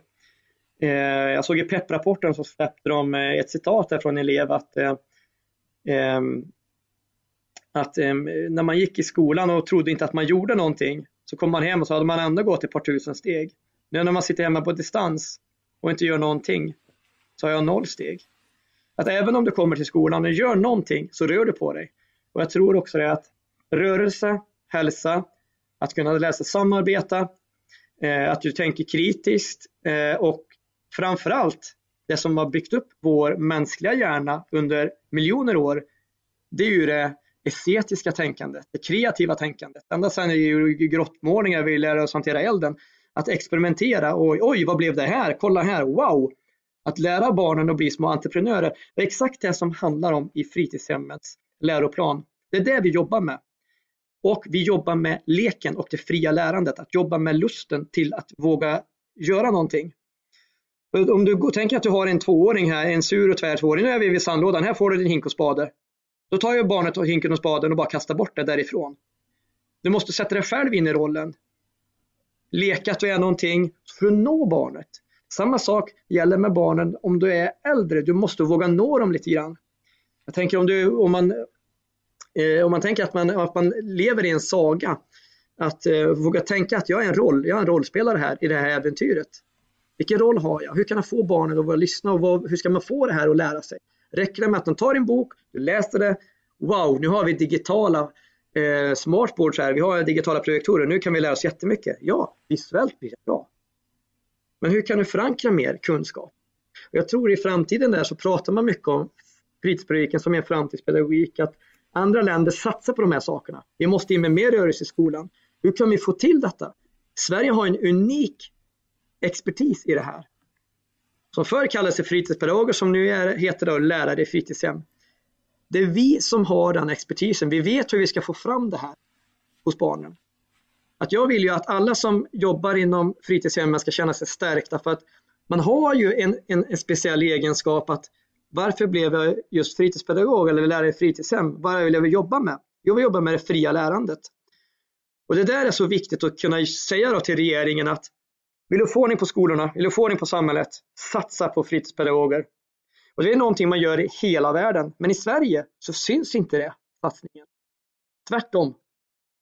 De gick in med en legitimationsreform, men det är ingenting som i grunden har hjälpt oss på traven, utan vi ser att behovet finns i skolan, fler elever vill vara med i gemenskapen. Eh, mellanstadiet vill ha också vara med. Eh, och det man kan se inom föreningsidrotten det är att den ideella föreningsidrotten, alltså antalet elever eller antalet barn som är med i föreningar har ju sjunkit. Antalet ledare som anstränger sig ideellt i föreningar har också sjunkit. Vilket har gjort att fritidshemmen är än viktigare idag för att kunna vara en brygga mellan då skolan och en förening. Vad kan man göra då tycker du? För det första så måste ju regeringen vara modig och satsa eh, satsa på våra fritidshem, att få in fler, fler vuxna in i fritidshemmen, alltså behöriga, utbildade personer som stärker upp och som vet och som kan se detta som vi ser hos barnen. Det kanske inte hjälper att man bara trycker in fler vuxna utan du måste ha det här ögat, det pedagogiska ögat och kunna förvalta det barnen, det barnen gör och jag vill ändå tro att utbildning gör ju faktiskt, gör ju faktiskt någonting med en människa. För du går ju till en läkare för att träffa en läkare. Du går ju till en tandläkare för att träffa en tandläkare. Du går ju till en Ehm, du vill ju att en, en, en person som kan din bil tar hand om din bil. Samma sak med dina barn. Du vill ju att den bästa möjliga personen som kan det här tar hand om dina barn. Ehm, det är lite grann det här som, som man vill ska hända. Liksom, att jag, jag önskar ju att det fanns en, en, en kurva som pekar åt rätt håll. Eh, och det är klart att man blir ledsen varje gång man ser det här att eh, kriminalitet som växer ska ökas med att vi ska ha en större kriminalvård. Jag tror inte det är rätta vägen att gå utan det är skolan du måste satsa på. Även det här partiet som jag pratar om nu eh, har en liten frågedel som vi har fått in ifrån eh, en annan person.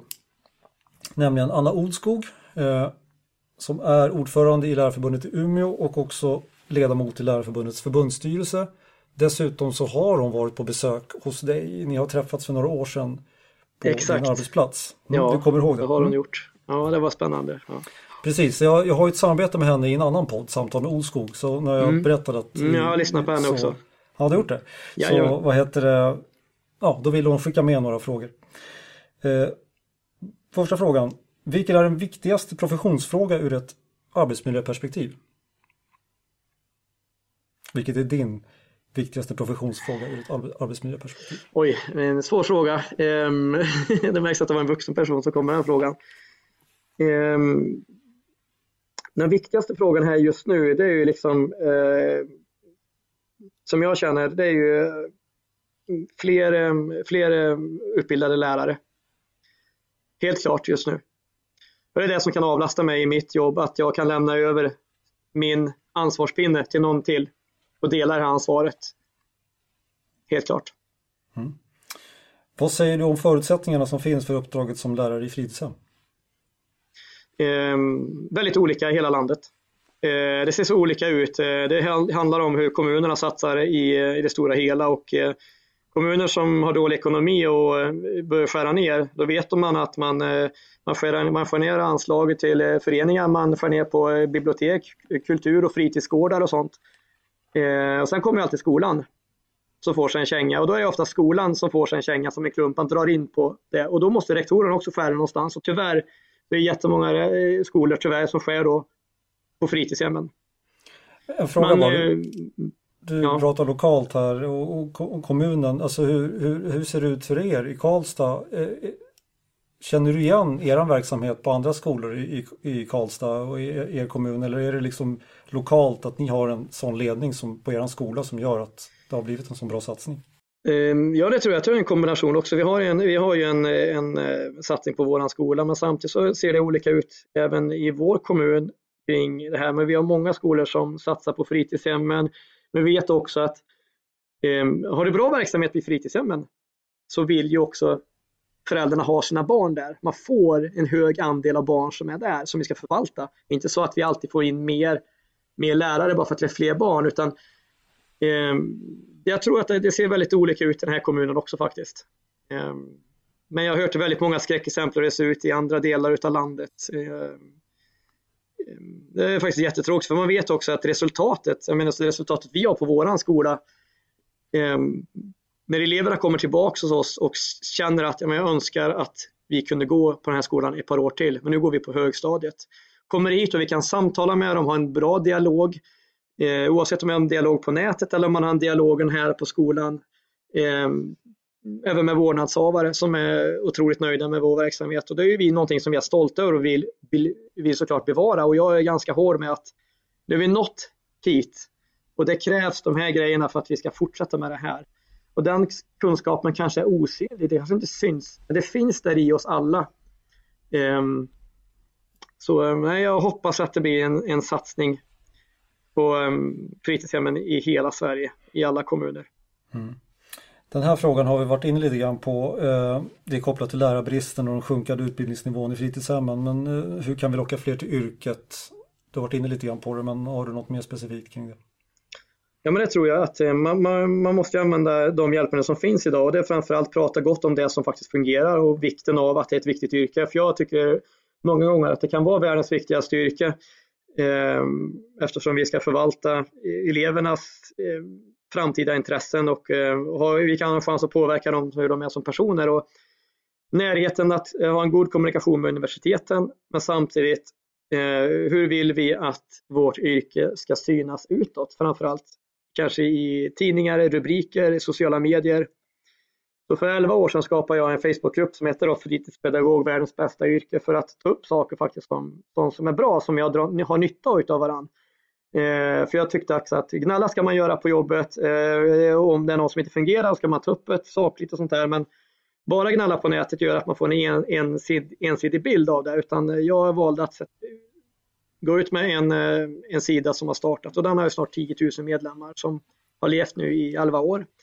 Och det var ju också en av orsakerna till att jag startade Instagram-sidan också, för att visa hur gör jag i mitt yrke för att få en bild istället för att bara skriva så kan man ju också lägga upp en bild att det här har vi gjort idag, försöker prata, eh, försöker visa att man har ett väldigt roligt jobb också. Det är, det kanske är det viktigaste att ha för att vara en god inspiratör, det är att visa arbetsglädje. Precis. Eh, ja, men vi, jag tror vi stänger Annas frågor där och går vidare till gästlistan. Precis, eh, en, en, en av hemuppgifterna som du fick med dig här. Eh, vi skulle vilja att du lyfter fram antingen tre aktiviteter eller teman som har varit extra uppskattade hos eleverna på fritids. Ehm, ja, det som barnen, eh, man kan säga det är ju det som de förväntar sig lite grann men jag kan tänka så här om jag tar bort någonting, vad är det som skulle svida hårdast där om jag tar bort någonting utav det? Om det är, dansen är en sån grej. Eh, dansen som vi har skapat på skolan, det är en jätteviktig eh, del utav vårt trygghetsarbete på skolan. Eh, sen måste jag säga också gymnastiken. Eh, att vi tar ut de här mattorna och till, eh, tillåter gymnastik, att barnen får utmana sig. Och I gymnastiken så växer också det här med cheerleading och parkour och sånt som också är en, eh, för mig även en estetisk kulturaktivitet. Att eh, våga utmana sig själv och sin kroppsliga förmåga, vad man kan göra och eh, se barnens utveckling.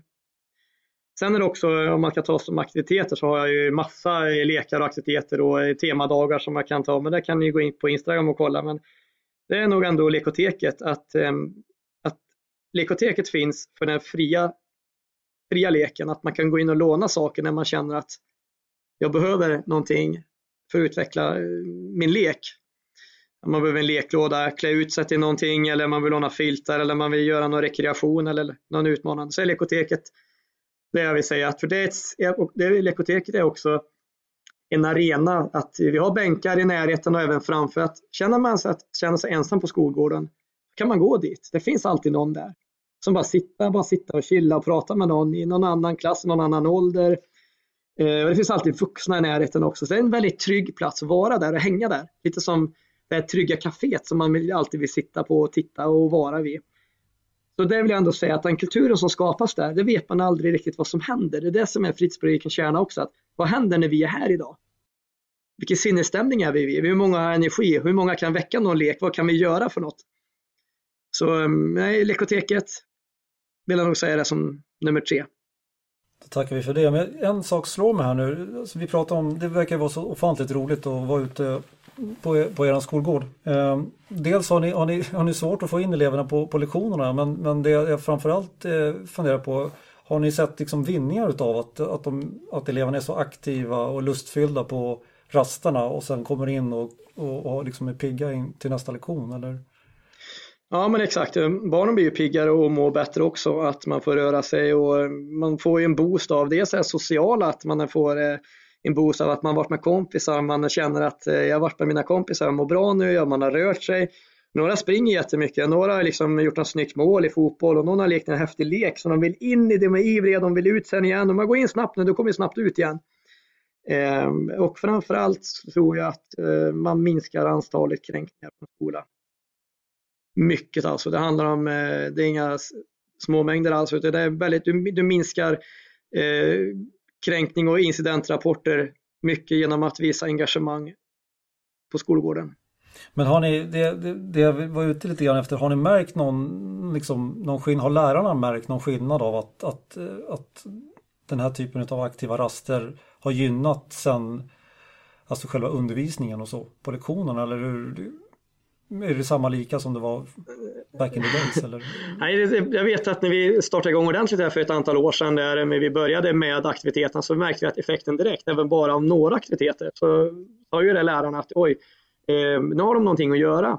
Nu är alla så vana att man har jobbat med det här och vi, som det är nu, liksom att vi för varje år kan vi trycka in mer aktiviteter bara för att vi har gjort bättre anpassningar. Så nu är vi uppe liksom i, jag har svårt att skriva in i schemat alla aktiviteter på grund av alltså det här, de barnen vill göra så mycket saker så jag får knappt in det i schemat. Men vi har ju liksom att det är 480 barn som ska ha någonting att göra på rasterna. Eh, och man kan väl säga så här, de som kommer hit från andra skolor och tittar liksom att, och tänker att men gud, alla har någonting att göra. Och Det innebär också att när man ser att alla har någonting att göra, när du får den här eh, känslan av att um, du är ett med barnen, du vet, du har kollen liksom, du har, du har fått det här flowet att jag är liksom som en i mängden här och de har koll på allting. Då märker du också om någonting inte stämmer, någonting inte är bra. Du märker den som är ensam, du ser det här direkt. Och framförallt så går djungeltrumman om någon säger någonting dumt till någon. Det kan alltid vara så här att det kan vara ett barn som har sovit dåligt. Det kan vara barn som äter dåligt, vaknar på fel sida eller någonting dumt som har hänt hemma. Och, eh, och då märker man det direkt. Eh, och det är det som är faran, att om du inte märker sånt här, det kan vara ett mönster du ser. För att barn kan faktiskt fara illa också. Det kan vara hemma, det kan vara någonting som gör att ett barn far illa. Hur märker man det? Eftersom barn är duktiga på att bygga på sig skal. Är barn rädda för någonting, rädda för att avslöja någonting eller mår dåligt av någonting, då bygger de på sig skal och så blir man så här tuffa och man vill inte göra någonting annat, man blir kaxig och sånt. Men de här skalen man ska försöka få av, att låta dem vara ärliga, att de ska få tillit till dig som vuxen. Och det är så viktigt för mig att inte jag skadar den här tilliten. Um, och då händer man också att hur gör man som pedagog då? Vågar man? Jo, jag visar ju såklart känslan, man visar att man är glad, man visar att man wow, man får ju liksom visa det också, så kan man också visa att man är besviken på någonting. Men tar du ett, ett, om man ska prata med ett barn och du är allvarlig och du visar kanske lite känsla att det här är inte okej, okay, då måste man fullfölja det också. Man måste visa att hur vi kan jobba, komma på banan igen, att det är du som gör det också. Det är så viktigt att inte släppa det connection. Det här var inte bra idag, det här får vi göra om. Eh, vi prövar igen imorgon, visa hela tiden för att få barnen att förstå att jag är på deras sida. Programtiden den bara rinner på och det är så ja. intressant så att vi, vi vill inte stoppa det när du, när du liksom går igång.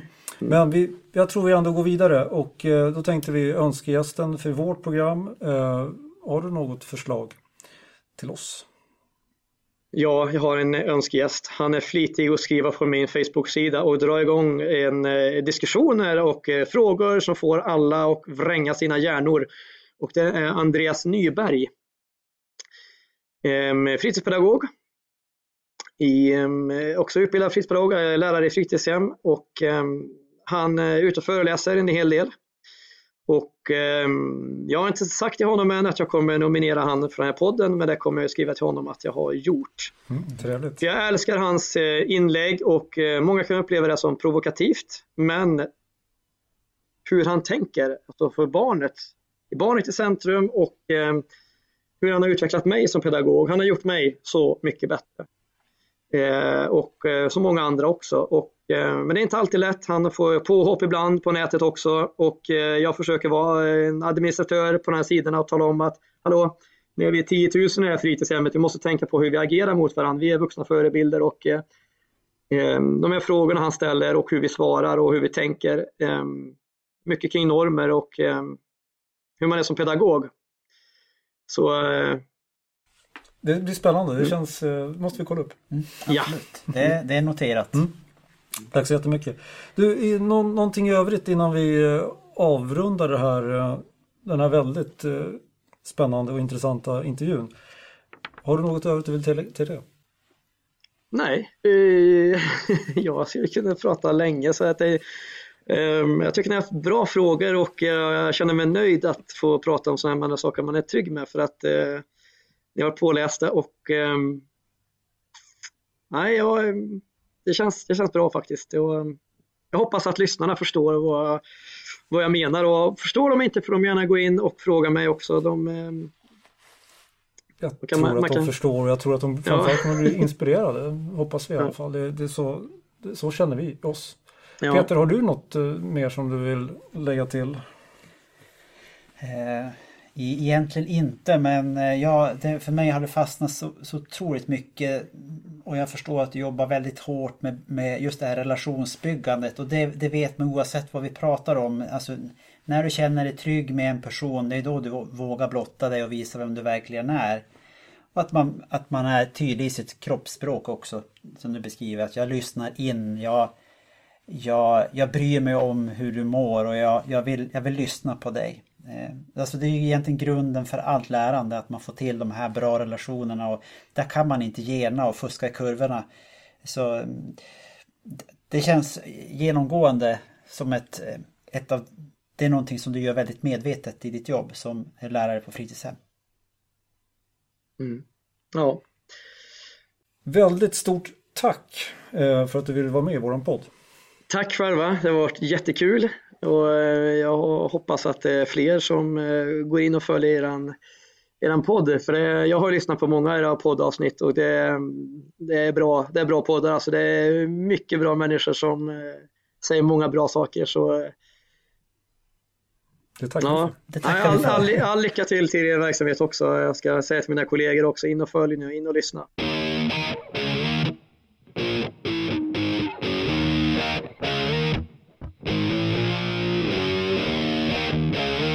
Ja Peter, eh, vad ska vi säga? Det, det blev långt det här. Ja, Men rekord. långt men väldigt, ja rekord. Intressant. Tycker vi i alla fall, som det kändes under intervjun. Tino hade väldigt mycket att säga Ja. eh, inom fritidsområdet. Och en, en väldigt stolt yrkesperson tycker jag det, det framgick väldigt tydligt. Och det var som extra roligt. Ett väldigt fint ansikte utåt till lärare i fritidshem, helt klart. Vi har ju döpt det här avsnittet till Fritids en arena för framtidspedagogik, eh, Peter. Och vad, vad gör du för kopplingar kop till, till, liksom, till intervjun? Tino pratade om future skills och just att fritids kan vara en arena där eh, barnen får träna sig att arrangera saker. Han gav ju massa exempel på olika typer av musiktävlingar och annat. Att, eh, lite av att vara entreprenörer så att eh, ja, jag tyckte absolut att eh, han beskrev på ett bra sätt hur eh, fritids kan vara den platsen där man jobbar med framtidspedagogik. Du då, är det något speciellt som fastnade för dig? Det finns ju jättemycket Ja. egentligen. Så, men vi ska, vi ska inte, jag tror att vi får hålla det här eftersnacket lite kort just för att avsnittet är så pass långt ändå. Eh, Men, eh, nej, men för mig är det det konkreta bara att eh, vilket smörgåsbord. Vad, vad roligt det måste vara att ge sig ut på rast och, och, och ha alla de här sakerna du kan välja mellan och låna och ja, det verkar ju finnas hur mycket grejer som helst och då visst materiellt mycket saker men samtidigt så är, är det ju Det finns en tanke bakom. finns en tanke bakom och att det, att det liksom inte heller är ett, jag menar, ja, kör och man hittar nya lösningar för nästa dag och sådär. Så att det, det verkar ju hända saker hela tiden. Enormt inspirerande. Jag blir eh, otroligt taggad. Ännu ett eh, skolbesök som man skulle vilja göra någon gång framöver. Ja, vi får ta tjänstledigt en vecka och åka Sverige runt kanske. Precis, och träffa våra gästers arbetsplatser. Ja, men eh, ska, vi kanske, ska vi kanske nöja oss där? Så vi inte bryter för många barriärer vad det gäller, vad det på programmet. Även om det finns väldigt mycket att diskutera om efter det här avsnittet, känner jag.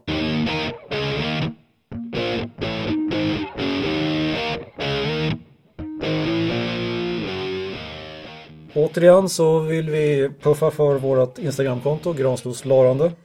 Följ oss gärna. Vi börjar närma oss tusen följare. Mm. Mm. Och ja, Peter, har du några avslutande ord? Inte mer än att jag tycker att vi ganska nöjda kan stänga butiken för idag. Vi stänger butiken. Ha det så gott så hörs vi på nytt. Hej då! Hej då!